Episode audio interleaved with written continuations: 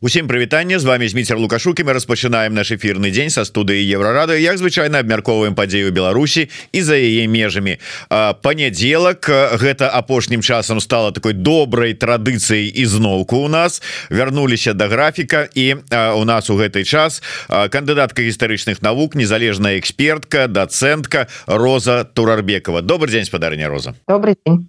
Ну что ж я пачну незвыч незвыкла. Звычайна мы тут за адразу сходу пачынаем абмяркоўваць все падзеі А я хочу нагадаць усім про просто неабходнасць подпісацца на телеграм-канал спадарыні розы турарбекавай спасылочка зараз будзе у нас у чате Ну і безумоўна для тых кому это бяспечна не забывайте подписываться на YouTube канал еврорады націскайте на звоночек подписывайтесь расширвайте задавайте свае каментар каментары пытанні Ну карацей кажучы чакаем вас спадар гаспадарня Роза. Я ведаю что учора у вільні вы былі на мерапрыемствах прысвечаных гадавіне паўстання кастуся каліновска Ну паўстанне афіцыйна пачалося не учора а сёння Ну вырашылі так адсвяткаваць у выходны дзень а менавіта сёння 22 студзеня Вось гэта дата і пачатку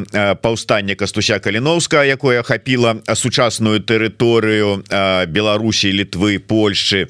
Ну і дарэчы таксама сёння дзень такі трагічны менавіта сёння 22 студзеня на майдане загінуў першы беларус жизнеўскі. Але давайте про ўсё ж таки паўстанне кастуся каліновскага трошку увогуле тая падзея тое мерапрыемство якое былі учора у вільні. Что б вы хотели адзначыць як гісторык як палітолог і просто як человек Ну с исторической точки зрения я начну наверное как историк. С исторической точки зрения э, значимость восстания калиновского а, по-польски, по по-моему, январское просто, да, восстание, да. или там а, более как бы, э, как это, э, несколько, несколько безлико, но для нас это, для Беларуси, для истории Беларуси а, и для белорусского национального движения это не просто знаковая фигура, он является культовым героем, и э, для региона в целом э, эта фигура достаточно а, яркая, в первую очередь э, символизирующая борьбу с российским империализмом, а вот, за идентичность, так как он ее понимал, но помимо всего прочего, в общем, это из материала буквально школьного учебника, в котором, с которым мы недавно с дочерью как раз проходили Э, Калиновского. Мне было интересно, что до сих пор там все-таки сохранилось. А, акцент делается на его, э, скажем так, социальных или почти что социалистических взглядах, на том, э, какое он значение придавал положению простого народа, основные требования и так далее и тому подобное. То есть это все так или иначе связано с отменой крепостного права, с положением, бедственным положением крестьянского населения и не только крестьянского населения. То есть попытка отразить, скажем так, в своей программе а, более, взгляды более а, и интересы более широких групп да, населения, это очевидно. Но это такой холодный, я бы сказала, исторический взгляд. А вы знаете, мне на ум приходит еще и следующее а, сравнение. А, сейчас я скажу необычную вещь, наверное, для белорусов. А, вообще-то белорусам повезло. Повезло в каком смысле? Мало того, что Калиновский – это символическая фигура, которая известна в регионе, то есть это известно не только для белорусов, это знаковая фигура и для Польши, и для Литвы, вот, и частично для Украины, вот, и для, в целом для европейской истории понятная фигура, а, вот. Мало того, а, все-таки, к счастью, смогли найти и опознать его останки, да, и произошло вот это вот очень а, важное по значимости событие, да, перезахоронение останков Калиновского и Калиновцев. И э, это как бы символизирует фактически начало, да, какое-то такое, ну, не нов, ну, наверное, нового этапа, да, национальной борьбы белорусов за самоопределение, несмотря на то, что вроде есть государство, но какое-то государство, это понятно. Почему повезло? Потому что, например, аналогичная а, фигура, например, в истории Казахстана, а, я имею в виду Кинисары Касымова или Кинисары э, или Касымхана, да, его останки до сих пор не найдены, или вернее есть подозрение относительно того, что его а, голова а череп, соответственно, хранится до сих пор в одном из музеев в Омске. А, вот. И а, в свое время, когда было подавлено восстание Кенесары Касымова в Казахстане, это примерно в те же годы, что и восстание Калиновского, вот, его голова с его оружием была передана генерал-губернатору, и с тех пор казахи не видели его останков. И э, с моей точки зрения, вот каждый раз, когда мы оказываем дань уважения Калиновскому, Жириновскому. Каждый раз я вспоминаю эту историю. И хочу сказать, что белорусам повезло, что есть куда прийти, есть кому поклониться. И это уже на таком уровне происходит международном, да по сравнению с тем, что как бы э, в казахской истории еще, к сожалению, вот этого не произошло. То есть э, хотя бы в этом а, белорусам повезло. А значимость восстания Калиновского заключается в том, что его дело до сих пор живо, и это дело не завершено. И я вчера об этом написала, что а, восстание продолжается.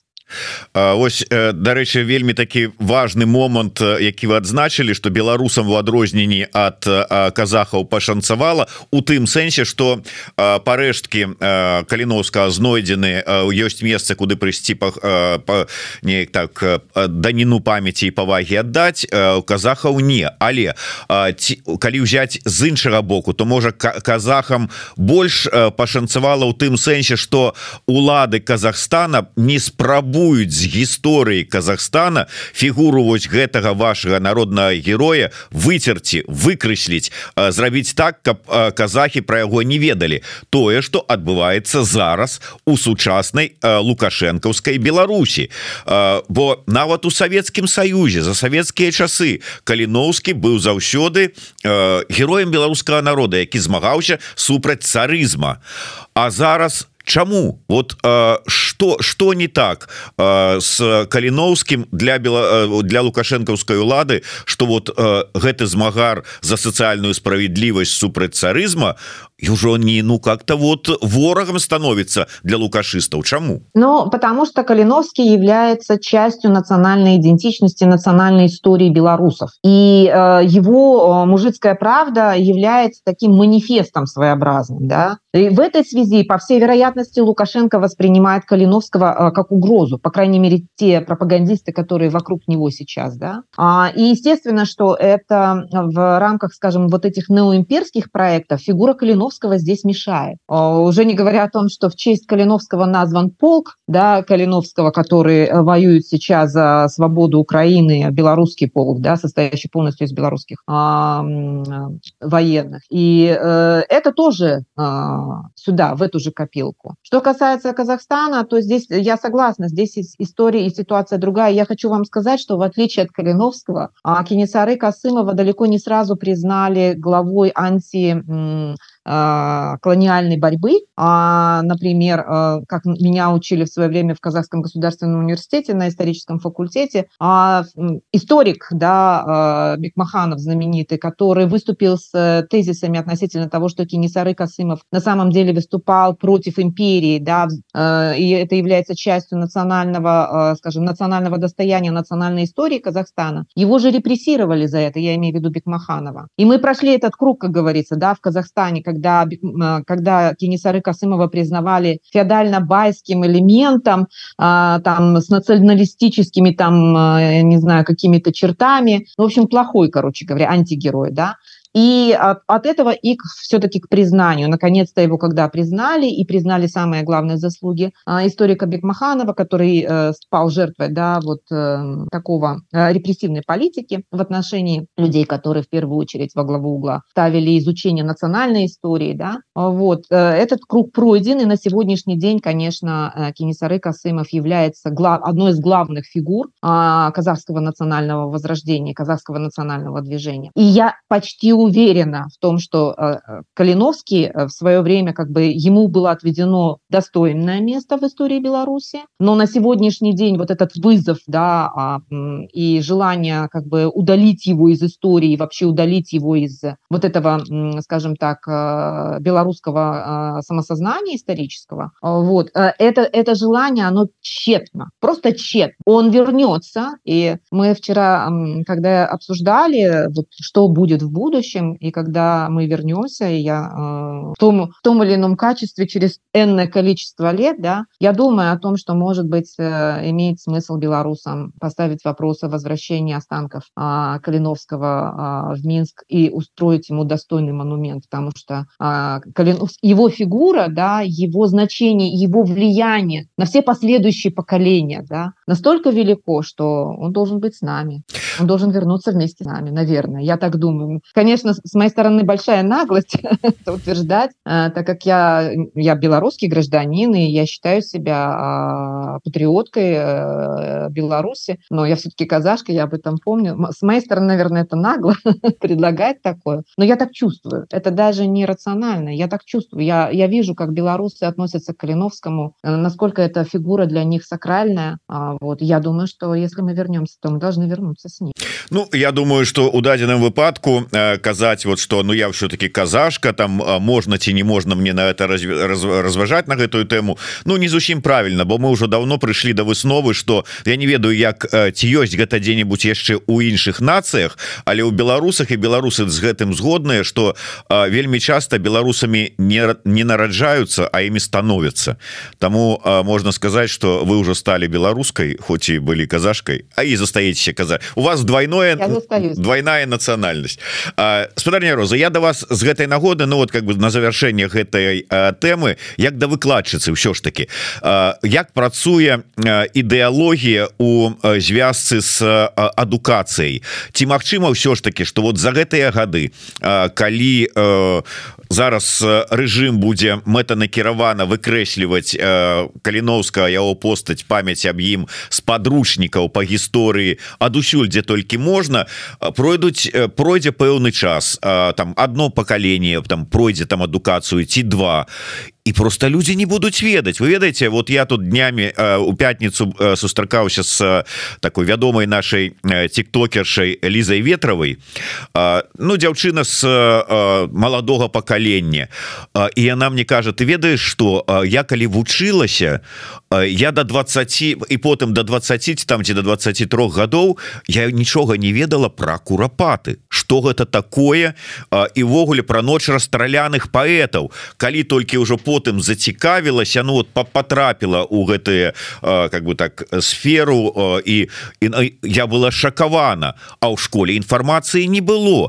Такі тут но яна-то змагла там унутры Беларусі былі ўсё ж таки некія там свае проекты той же самый сімбал тая ж самая там малада моладзь БНФ там і вообще астатні хто мог расказаць гэта гісторыкі якія маглі А зараз-то все вычышчана і про каліновскага маладому поколению не будзе кому рассказать. Но первое с чего я начну калиновский все еще в учебниках. Я очень внимательно читала учебник что же про него там написано а он все еще продолжает продолжает оставаться в учебниках, там нет никаких негативных коннотаций. А попытка вот это вот убрать Калиновского, по крайней мере, из каких-то таких видимых, я не знаю, где-то там э, мест, а, в общем и целом, с моей точки зрения, попытки эти э, пока еще слабые, с тем, чтобы добиться, да, вот этой манкуртизации полной. А вот, до манкуртизации еще далеко. Что касается Куропат, это, это другая история, понимаете? Калиновского а, и его значение признали даже еще во времена советской историографии я прекрасно помню эти книги, там, антиимпериалистическое там восстание э, Калиновского, да, то есть э, как бы оценка была дана четкая, а, вот, и он так или иначе в том или ином виде присутствовал в истории Беларуси, я имею в виду в учебниках, да, вот во всех текстах учебников он присутствовал. Что касается Куропат, это совсем другая история. Они не были прописаны в советских учебниках, понятно почему. А вот далее, когда наступил вот этот короткий период, да, демократизации Беларуси, а, о них начали говорить, и э, ясное дело, что и эти шествия э, в сторону Куропаты, защита Куропат э, в начале 90-х, в конце 80-х, в начале 90-х годов, то, то, что делал Зенон Поздняк, например, да, и его последователи. И впоследствии, как выяснилось, очень много белорусов, оказывается, об этом тоже знают и помнят, но просто не говорят, потому что, ну, выходили люди в начале 90-х годов, вдруг внезапно стало выходить все больше и больше людей, а вот, и, и потом вот это вот как бы э, как это, зона молчания начинается, то есть это, в общем и целом, не, небольшой период, когда Куропатов достаточно свободно говорили, короткий период. А в этой связи сравнивать как бы историю с Куропатами с историей с э, опознанием, да, с, с идентификацией да, Костуся Калиновского не приходится. А знаете еще почему? Во-первых, потому что Калиновский – это достаточно отдаленная история, и его каратели, по крайней мере, потомки его карателей, они неизвестны. Ну, то есть они известны, но они не, не живут, э, там, может быть, рядом с нами, да. То есть это не произошло, там, скажем, условно говоря, вчера или там 50, 40 лет, 50 лет тому назад, да. Что касается Куропат, это тут другая история. Это, это происходило вот, в общем, в, в современности, да, в 20 веке. И я думаю, что каратели и люди, которые так или иначе об этом знали и были вовлечены в эти репрессии, они живы, и их дети живы. И э, а, уже не говоря о КГБ, да, о том институте, который непосредственно да, принимал участие, организовывал, принимал участие, осуществлял все это. Они же э, не воспринимают это как, свои, э, как сказать, как свое преступление. То есть десоветизации ведь не произошло. Вот в чем дело. Поэтому а, э, я понимаю эту блогершу относительно Куропат, почему Куропаты все-таки не были прописаны вот буквально, да, там, вырезаны, да, а в национальной памяти белорусов, но это несопоставимо с фигурой Калиновского. Еще раз повторюсь, почему. Из-за того, что фигура Калиновского все-таки занимала определенное место в советской историографии, она все еще, эта история прописана в учебниках. А, чтобы выкинуть эту историю, конечно, надо полностью переписать эти учебники. А, вот, посмотрим, что они будут с этим делать. А потому что пока вот это поверхностное удаление, да, с мест, где видно а, Калиновского там, а, это все еще, это, я еще раз повторю, это далеко еще от процесса манкуртизации. Ну, будем сподеваться, что глубоко все ж таки не поспея режим зацягнуть Беларусь и белорусов у гэты процесс манкуртизации. Яшчэ одно коротко пытанне до вас таксама як да гісторыка гэтая спрэчка паму памі праміж двумя лукашыстамі лукашысцкім гісторыкам марзалюком і лукашысцкім нават не ведаю як его сказать ну чалавек які прыкідваецца філосафам дермантам по поводу того что там беларусы ўсё ж таки еўрапейцы ці еўра еўразійцы а аргумент вельмі класны у дерманта быў беларусы ядуць голубцы значыцца яны еўразійцы я правда на месцы марзалюка б сказаў ну беларусы бульбу ядуць А якую прывезілі прывезлі с Амерыкі ў свой час так мы амерыканцы тады атрымліваецца ці что там ці ці еўраамерыканцы ўсё ж таки вот вы у гэтай спрэчцы еўрапейцы еўразійцы на, на чыім баку прасці Господи конечно тут бок выбирать вот я как это я не на чьей стороне в, в этом смысле. А, я для себя давным-давно сделала вывод. Этот вывод абсолютно очевиден, он лежит на поверхности. Что белорусы являются европейской нацией, а, и никаких тут иных э, размышлений в этом смысле быть не может. Более того, я хочу сказать, и это не в обиду будет сказано а, соседям, восточным или южным соседям. В некоторых э, страницах истории а Беларусь в большей степени европейские, э, европейская страна, нежели чем ее соседи. А, вот, поэтому не мне вам рассказывать, да, что Беларусь это а, как бы прошедшая через практически все известные великие, как я написала недавно, европейские эпохи, что я подразумеваю под этим, например, эпоху Ренессанса. Те эпохи, которые сделали Европу Европой. Это эпоха Ренессанса в первую очередь. А самое главное, это не просто эпоха Ренессанса, это не просто здание, понимаете, это же и деятели эпохи Ренессанса. Для меня было в свое время вообще удивительным открытием, что в Беларуси э, так было сильно э, протестантское движение, что это не баптисты, которые приехали в конце 20 века на развалы Советского Союза, да, и э, стали проповедовать, ну, как бы открывая для себя новое поле для, для миссионерской деятельности. Это совсем другая история. Это история настоящего э, движения протестантизма. Я имею в виду реформацию, да, Вот. И это второе. Третье, ну там я много могу там перечислять, какие я для себя делала открытия о европейскости белорусов и белорусской э, территории Беларуси, да, что здесь было. Вот. Уже не говоря там Магдебургское право, там у белорусов было, была, были свои исторические формы государственности, которые были однозначно европейские. Я имею в виду Великое княжество Литовское, вхождение в Речь Посполитой, сама по себе а, осуществ... попытка осуществления да, создания Белорусской Народной Республики с вообще потрясающей конституцией, где там идиш был а, признан одним из официальных языков. Это первое вообще в истории Европы такой случай. Да? То есть, ну, для меня это не, не вопрос вообще в принципе. Для меня вопрос в другом заключается. От чего возник такой спор у лукашистских пропагандистов? Я вот в течение этих двух дней мы обсуждали с, с супругом эту историю. Меня не, не удивляет э, Дерман э, с его евразийством.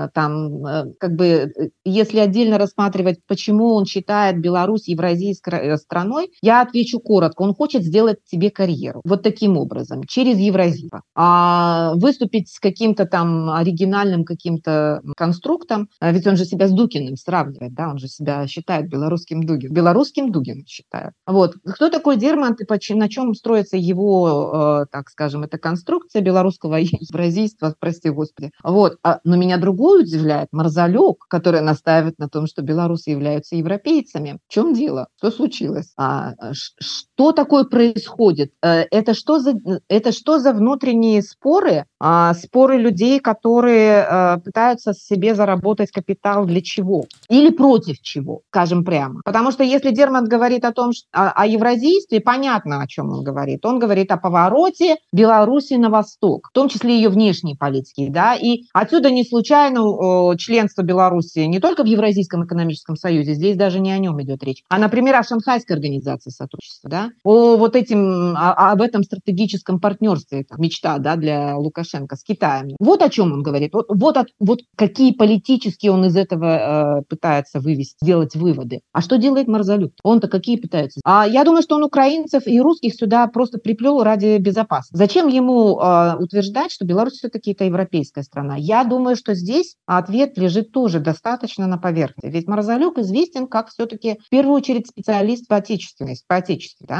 И в отличие от некоторых, он действительно имеет степень а, ну, там, исторических наук, по-моему, доктор, да, исторических наук. Вот. И как ни крути, он историю Беларуси знает. Он знает, что это его капитал, социальный и политический. Он пытается этот капитал поставить себе каким-то образом а, на службу. Я не знаю, какие там настроения витают, почему он вдруг про европейское стал говорить, но я думаю, что так или иначе и Дермант, и а, Марзалюк думают о своем будущем. И таким образом они выражают свои, ну это, это конечно, громко будет сказано, свое политическое кредо. А, вот, но тем не менее. А, но мы не должны а, как бы покупаться на это, потому что в конечном итоге они имеют в виду в первую очередь а, желание а, сделать себе карьеру все-таки при этом режиме. А вот что, что у них за странность, я пока не берусь судить. Думаю о том, что каждый пытается продать себя подороже. Но именно под маркой там сделано в Европе, да, или сделано в Евразии. Вот примерно.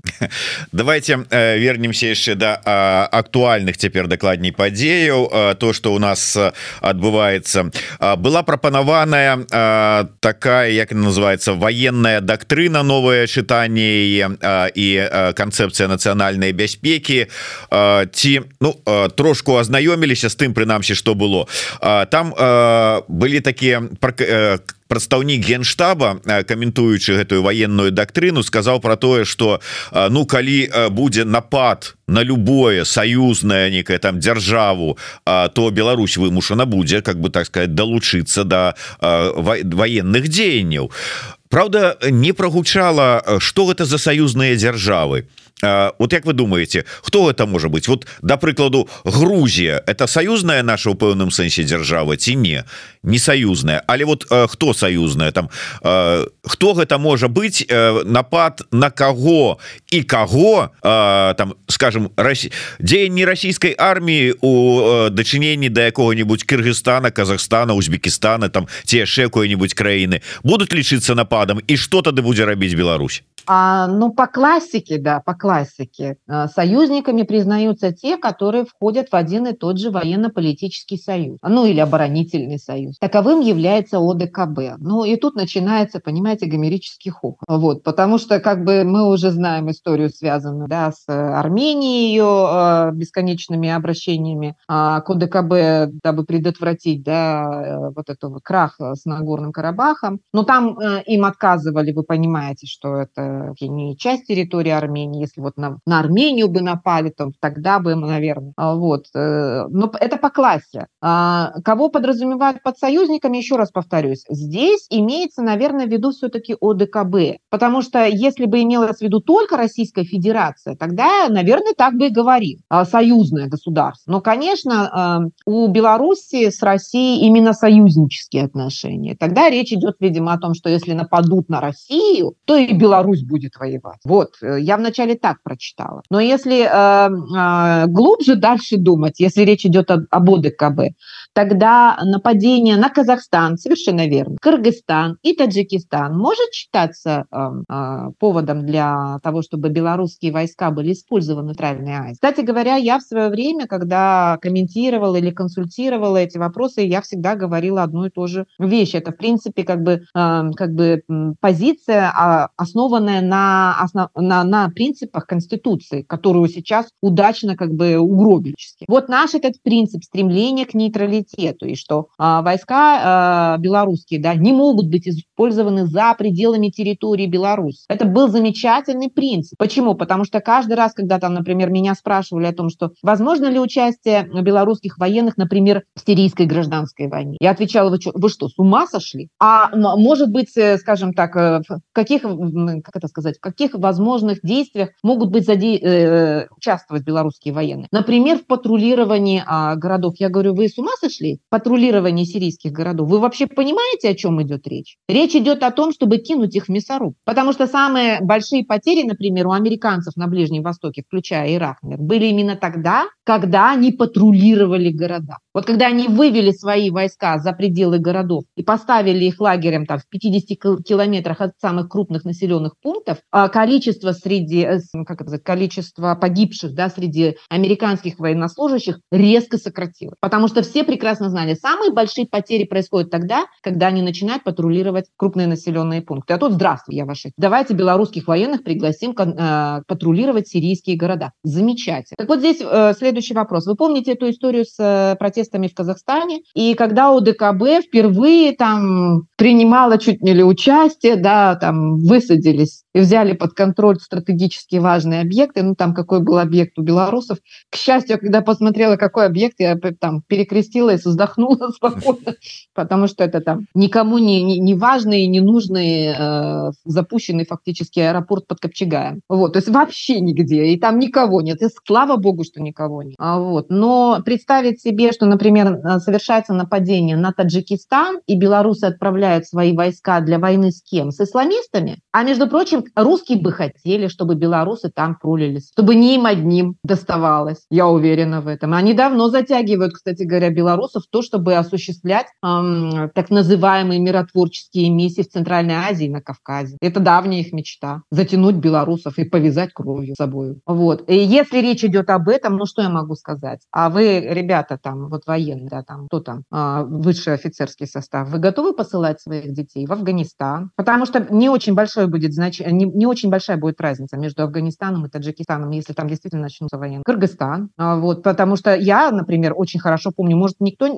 они не помнят, я хорошо помню, исламское движение Узбекистана, одно из а, самых воинственных а, подразделений в Центральной Азии, которое совершало в свое время теракты, и которые потом, ух, они потом, боевики, иду ушли в, в Афганистан, и потом они были в Пакистане. Они там каждое лето совершали рейд в Узбекистан с желанием уничтожить режим Ислама Каримова. Ну и по ходу естественно, они людей убивали. Понятное дело, что как бы не, не, не, с, цветами шли. А вот. Э, вот с такими людьми, с такими боевиками наши э, ребята белорусские, да, военные, будут воевать. А уже не говоря о том, что мы можем впоследствии, как я и говорила, впоследствии мы можем получить еще и джихад на территории Беларуси. Готовы к этому? А. И готовы принимать участие в военных авантюрах Российской Федерации. А то, что Россия будет воевать, ее не остановить, и ее э, спектр ее интересов, да, географический, очень, э, очень велик. То есть это и Кавказ, и Центральная Азия, и Восточная Европа. В общем, куда захотят, туда и вступят, как говорится. А это как? Мы в этом будем принимать участие? А сегодня на, в России уже бомбят Белгород, да, например. Это считается нападением на Россию? Так что, завтра после принятия этой военной доктрины мы вступим в войну с Украиной? Э, вот когда они делают подобного рода заявления, мне иногда кажется, что они то ли не соображают, то ли не отдают себе отчет в этом, то ли они уже лишились последних там своих там самостоятельных соображений и просто вторят тому, что им говорит Москва. Ну вот мое такое, моя акция такая. Достаточно опасное принятие такой военной доктрины, которая, кстати говоря, попирает все основные принципы конституционные, которые были заложены при создании независимого государства. Дарэчы, калі там не военная доктрина, а нацбяспеки Ну я думаю что вы не будете супраць того что захоўванне традыцыйных сямейных каштоўнасцях каштоўнасці гэта ну можно сказать подмурак нацыянальной бяспеки Беларуси Да еще хорошо было бы им всем об этом тоже помнить посмотреть на свои собственные семейные отношения как у них самих начнем с них Лукашенко неяк сказал након себе вы на меня не смотрите вы Почему? смотрите вот вот вокруг вот как это а я вот ну не пример вокруг это так, на, то есть на себя смотрите это это не для нас написано это для вас написано вот вы и выконываете. Все понятно. Но у, у нас с вами с этим вроде ничего но мы же не настаиваем мы же не навязываем свой образ жизни э, на на кого-то там. Я как раз таки против навязывать то есть э, он у меня как там традиционная семья да? я не знаю что значит традиционная семья в смысле муж жена дети я это я так правильно понимаю? То есть вот э, там еще зроблена такая оговорка по нараджению мужчина и жанчына по нараджению нараджэнню то есть не тое что вы э, умоўно кажучы прабачьте кай ласка нарадзіліся мужчыны а потым поменяли сабе пол вот. А вот по нараджэнню кап вот были. И, и ну хорошо. Э, а дальше что? То есть я еще должна осуществить да э, там свою основную миссию как женщина там э, конечно. и я правильно я, я это правильно понимаю? Ну конечно а то вот еще вы... думаете заниматься этим чалдфритом каким-нибудь. Уже поздно. Я может было бы за но но на жаль уже как-то поздновато Вот. Я, я единственное, что хочу сказать, э, это удивительный тренд вот про эти традиционные ценности семейные. А это удивительный тренд, почему? Потому что люди, которые пытаются это проповедовать и превращать это в политическую доктрину, дискурс, да, это люди сами по себе, не являющиеся не то чтобы образцом, они являются просто-напросто красноречивым примером крушения этих традиционных ценностей. Их явной, э, как это сказать, эрозии. Потому что то, что Э, мы видим сейчас в лице главы государства, это как раз-таки дискредитация этих самых а, традиционных семейных ценностей. Он живет с кем? Вопрос. Где его жена? Что это за горе? Это вот по-христиански-то как это вообще? Ну, по-мусульмански я знаю, как обычно. Ну, тут как бы вроде не, не те традиции. Так, э, так, э, ну, хорошо, не смотрите на меня. А куда смотреть? На кого? Где образец? Качанова? Чему она на работе все время торчит? Что она дома борщ не варит? Где ее муж вообще? Дети, внуки? Ну, вообще, а на кого смотреть тогда? Вопрос. Но, э, но это удивительно, потому что на самом деле традиционная семья, условно традиционная семья, да, вот, это эти все э, традиционные, так называемые, патриархальные отношения. После начала эпохи модернизации, конечно, претерпевают серьезные. И на сегодняшний день семья, какая она была там в традиционном обществе, она просто, ну, это какие-то там отдельные элементы могут быть Я не против традиционной семьи, я, я против того, чтобы люди навязывали свой, просто свой образ жизни. Но в данном случае даже а, о навязывании своего образа жизни не, не идет речь, потому что какой у них образ жизни, какой они имеют право вообще, извините меня за выражение, рот открывать, говорить о традиционных? Никакого. Вот цалкам згодны, да, як кажуць, э, подойди до люстерка спачатку, потым будешь рассказывать про традыцыйныя каштоўнасці. Саша Варламаў э, шмат рассказаў про традыцыйныя каштоўнасці Лукашенко э, Лукашэнкі. Пытанне на таксама такую вайсковую можа быть тэму звязаная с апошнімі днямі такія удалыя удары дронамі по вельмі аддаленых аб'ектах у России як скажем той самая ленинградская область порт под питером и гэтак далей глядач под ником Максим вот аккурат таки пытанне будзе цікавае у тым сэнсе что пасля вас у меня будзе эфир с был былым СБУшнікам а зараз палітолог украінскім з інстытута будучыні Іван ступак. І вот я б хацеў яму буду так я ему задам это пытанне таксама але вот мне б хацелася ваш ваш адказ вот наш погляд з беларускага боку на гэта пытанне. Узброеныя сілы Украіны запускаюць дроны по нафтаперапрацоўчым заводам у России гэта добра і мае эфект. Але ж калі у сулу пануць по мазыру які пачаў вырабляць паліва для расійскай арміі. Які сэнс не чапаць такую блізкую цель бо калі Украіна жадае спыніць выпуск паліва для арміі то трэба біць па ўсім вытворцам. Ну і гэтак далей. Вот Як вы лічыце э, які адказ можа быть на это пытанне но что касается музырского нпз э, одной из наверное причин почему могут еще не э, не, не там не наносить ракетные удары да а помимо там специфических отношений между беларусью украиной до сих пор как бы эта тема мне кажется она до сих пор не раскрыта на самом деле.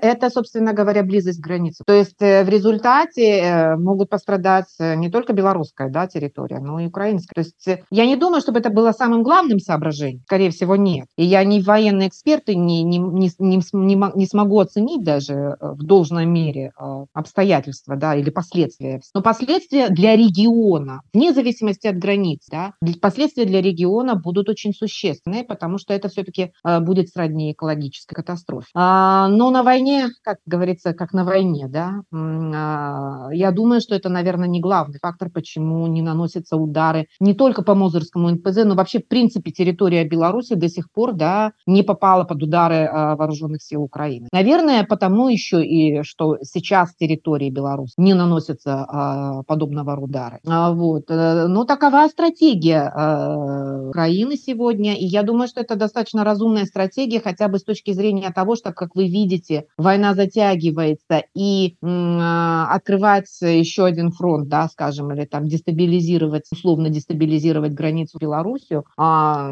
достаточно бли- серьезной близости к Киеву, это, конечно, не в их интересах. То есть это со стратегической точки зрения, полагаю, а, принимается такое решение не наносить удары. Да? Я не думаю, чтобы они не рассматривали все, все возможные варианты. А вот наносить удары по нефтебазам воюющей страны, которая да, на, захватывает твои территории, убивает твое население и вообще хочет тебя поглотить, где бы ни было это там, в Питере, в Москве или еще где-то, они имеют полное на это право. Я единственное, что, наверное, вот, может быть, узнаю ответ на этот вопрос у того эксперта, который у вас выступил. Как вообще стало это возможно? С моей точки зрения, это, конечно, а, такой, такой большой плюс а, и такая удачный такой да, а, эпизод в этой войне, доказывающий, что нет недостижимых целей для ВСУ на территории России, что даже с психологической точки зрения очень важно.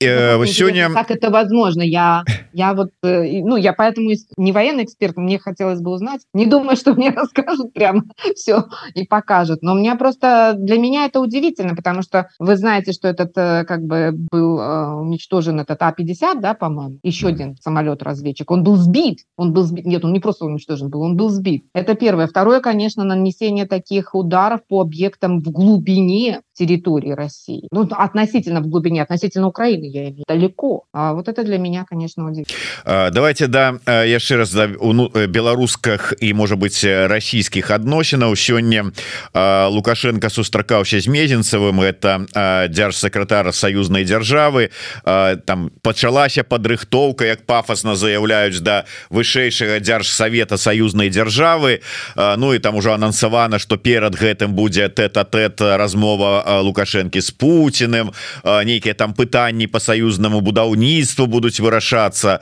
Что это можа быть? Некія ізноўку пачаліся Ну спрэчки недасканаласці там прэтэнзіі пред'явы один аднаму? Ці вот что вот чаго вы чакаеце от гэтай падзеі? Я полагаю что речь идет как раз о следующем этапе так называемой интеграции что интеграции в кавычках да? а, они я имею в виду и лукашенко и Путин они должны были анонсировать анонсировать новый этап интеграции. Я так понимаю, вот этот высший госсовет, это должно стать началом, э, вот, вернее, это должно быть анонсированием нового этапа интеграции. Э, они должны были согласовать вот этот вот перечень э, новых дорожных карт, то есть к тем дорожным картам, которые мы с вами уже знаем, реализовываются, да, добавить еще новый перечень дорожных карт. А все находится опять за семью печатями, опять мы ничего не знаем, ни список, ни количество, ни сферы, все это как бы там какие-то э, делаются очень приблизительные заявления. И я так полагаю, что это все отражается, вернее, это все э, объясняется тем, что они до сих пор между собой, видимо, не согласовали этот дорожный. Я так полагаю. И Лукашенко, я так понимаю, изворачивается, как уж, да, на сковороде, да, крутит, а, выворачивается. Он изворачивается и пытается избежать э,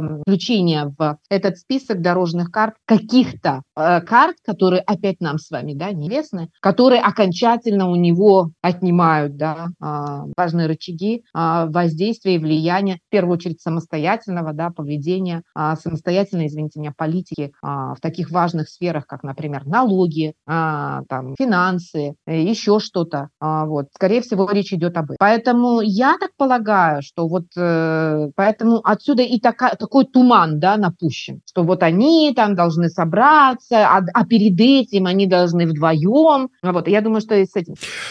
Uh, так добра давайте может быть да uh, таких uh, может быть наших бліжэйшых так апошняе пытанне для нас будзе ці глядзелі вы апошні выпуск часікі цікаюць там са шрайбманом остапеней. Но сэнс такі шрайбман кажа что дэмакратычныя сілы наши лідары яны жывуць у парадыгме двадцатого года. Ну вядомы тэзіс такі і што маўляў яму трэба апозіцыі адмовіцца ад гэтай парадыгмы 20 двадцатого года перастаць у ёй жыць прызнаць таким чынам что яны ну з'яўляюцца прадстаўнікамі грамадзянской супольнасці беларускай за мяжой такі адвакаты беларусаў у на міжнародной арэне.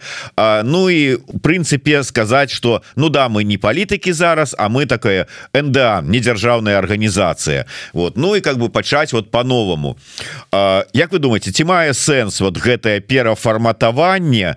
Ну і что зменится Ну хорошо скажуць яны что мы зараз вот умоўно кажучы аб'яднаны пераходны кабінет і офіс тихохановскай мы не палітычная структура а НДА і что я не поняла, зачем это делать, если честно. А вот. Ну, а, во-первых, э, а мне на ум, знаете, кто приходит сейчас? Далай-лама. А вот. Но он же не, нигде не говорит о том, что теперь я не Далай-лама, теперь я простой, простите, буддист. Теперь я керовник НДА. Монах. Вот, да. А вот, ну, там просто адвокатируют, да, интересы тибетцев и всех буддийских монахов. Вот. Ну, он же этого не делает. Зачем? С какой стати это делать? Делать, я не, не совсем понимаю. Это, во-первых. Во-вторых, вопрос здесь в другом. А, политическое представительство, что это означает? То есть о чем это? Это, это все о власти и о мандате. Да? Понятное дело, что, ну, как и Тихановская сказала, да, что а, власти у нее как таковой-то нет, есть обя- обовязки, я, ну, там буквально, да, цитировать, обязаны. И этим она может поделиться. Но вот вчера, кстати говоря, а, на, на могилах, да, Росы, когда мы а, пришли а, почтить э, память Калиновцев а, и Ковся Калиновцева, а, это было целое политическое, извините, не НГОшное мероприятие, политическое мероприятие, да, где а, был президент Литвы, естественно, он выступал в качестве хозяина, президент э, Польши Анджей Дуда, посол Украины и Светлана Тихановская, как кто? Они все ее называют главой, да, или лидером демократических сил Беларуси. Что в этом НГОшного. Я не в обиду НГОшное, э, НГО хочу сказать, но это политическая позиция. Это первое. Второе. Э, то, что вчера была, это была политическая акция. Там сидели послы, смотрели эту как бы всю церемонию, им специально была отведена трибуна. Там стояли белорусы с флагами, да, ждали или смотрели, как это всю эту церемонию. Потом каждый из нас там пошел, да, и а, почтил память э, в Капле. А вот. И при этом, когда Тихонов Тихановская выходила из э, с территории да, кладбища и встретилась с Беларусь. К ней, к ней все, естественно, потянулись, потому что она политический лидер, потому что она получила мандат. Это очень простая, я понимаю, набившая всем Москомину вещь. Но это так работает. Она, она значение имеет не для Шрайбмана, Турарбековой, там, Слюнькина, не для нас, экспертов. Господи, если нас всегда слушают, так я вообще не знаю, где мир будет, да? Можно просто лечь, лежать, ничего не делать, все так понятно. Сильные мира сего победили, и, в общем и целом, дьявол э, у руля. Но а, к ней подходят простые белорусы, а с их э, голосами и симпатией как быть? Как быть? Они на нее смотрят, как на политического лидера. Ни одного президента при выходе с извините, так не приветствовали, как Светлану Тихановскую. Ее все окружили, там все хотели с ней сфотографировать. Кто она? Звезда, что ли, Голливуда? Как она будет себя представлять? Ну, ну я, э, я понимаю это выражение определенной и скепсиса, и разочарования, и такого суперреализма, я бы сказала так, да. Я отчасти понимаю э, интенцию вот этих, эм, а, как это называется, э, тезисов. Я не смотрела часики, я видела анонс, но я не смотрела, на жаль, я в это время, у меня есть куда, как бы, а, как это время я трачу, к сожалению, там у меня его не 20, даже не, как-то, даже не 24 часа в сутки, я еще и спать должна. А, вот, но я, я бы хотела бы посмотреть, не могу все посмотреть. Вот, но, а, но мне, но это, это странный тезис, я бы сказала так. Если человек пришел во власть, не во власть, а пришел в политику, получил такой мандат, признается а, там всеми, да, как лидер демократических сил, это политическая фигура. Как, как, я не, я не, я не понимаю. Я же говорю, мне на ум сразу приходит э, Далай-Лама. Он все еще Далай-Лама 4, понимаете? Китайцы до сих пор э, не знают, что с этим делать. Они ждут, когда он умрет, тем, чтобы, э, как это, поставить на его место Далай-Ламу 15 которого они выберут. Но они не могут его выбрать, потому что у буддистов ламаистского толка есть процедура, как выбрать Далай-Ламу. То есть это означает, что несмотря ни на что, даже Пекин признает Далай-Ламу 14 политической фигуры. Они не могут сейчас вместо него взять и кого-то поставить. То есть если это, это, это история, черт знает сколько десятилетий, да, и, и все еще Далай-Лама 14 является политической фигурой, да, то почему мы должны отказываться от э, Светланы Тихановской, как нами избранного племянника? А, вельмі коротко э, спадарня Роза на, э, просто пропісаў гэтае пытанне ў сваім анонсе не могу яго не задаць бо людзі скажуць что падмануў Я гляжу некаторыя так сказать прадстаўнікі беларускай супольнасці якія таксама лічаць себе лідарамі дэмакратычных сілаў вельмі так фарсяць інфармацыю про выборы ў России вот там надеждзін вот там вот зараз выборы ў России скажите ласка вот для беларусаў сёння будь-то ў Беларусі будь-то в эміграцыі нейкім чынам важное вот важно чакаць что вот зараз Россия паўторыць беларускі двадцатый год і можна на нешта спадзявацца Ну нет ну, конечно то есть трэба нам ввогуле цікавіцца то тым что там у іх адбываецца за не, ну, імі выборами не интересоваться-то можно почему нельзя то есть это в общем и целом интересно как у них там политическое поле да двигается меняется что происходит возможно но меня в это э, что касается России меня гораздо больше сегодня интересует э, э, движение э, например э, национальные движения э, России потому что я точно знаю что более угнетаемым угнетаемой частью населения в России являются даже не сами э, рус обычные граждане а представители национальных меньшинств. История с их э, дискриминацией давлением и отниманием у них прав э, одного за другим э, очень страшные есть истории. Вот э, это башкортостан мы только с вами увидел для верхушку это еще башкиры за себя поборются они еще борются за себя их еще видно. А есть другие народы там я не знаю как удмурты например вот как самые например. Они же вообще в ужасном положении находятся. И как их э, как бы как с ними обращаются как наверное в свое время там э, в отношении индейцев э, поступали белые да? То есть в 19 веке. И к ними все еще так обходятся вот, вот меня вот например в России сейчас это интересует. Потому что я думаю что этнические так называемые так называемые этнические меньшинства да они вообще на самом деле национальные. У них есть атрибуты некоторые да, автономии там и так далее и тому подобное. Это не просто этнические меньшинства. Вот, они в первую очередь попали под нож этой СВО, так называемой. Вы же помните, да, что какое количество в первую очередь этнических меньшинств в России было мобилизовано, потому что так было удобнее. Вот потом мобилизацию уже коснулась э, центральной части России, Москвы, да, и Питера. А до этого, до этого мобилизация была там в Якутии, например, да, где, кстати говоря, женщины выходили, я это помню, женщины выходили, протестовали против мобилизации, а вот произошло подавление. Вот то, что мы с вами в Башкортостане видели расправу с этим активистом, да, башкирским, вообще на самом деле главой башкирского национального движения, он тоже выступал против мобилизации башкир. Он ставил вопрос, почему вы э, занимаетесь фактически уничтожением, да, а, меньшинств? Понятно, зачем, ясно, зачем. А вот меня вот это больше интересует, чем, извините, это имитация под названием президентства выбор в России. Да, э, дякую вялікі цалкам згодны. Я таксама с гэтай же нагоды с гэтымі тезисами згодны.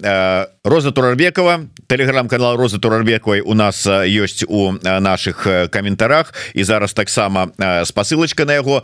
І не забывайте подписываться на YouTube канал Йор Еврорады Дякую вялікі спадарыня Роза. До наступнай сустрэчы на наступным тыдні. Хорошего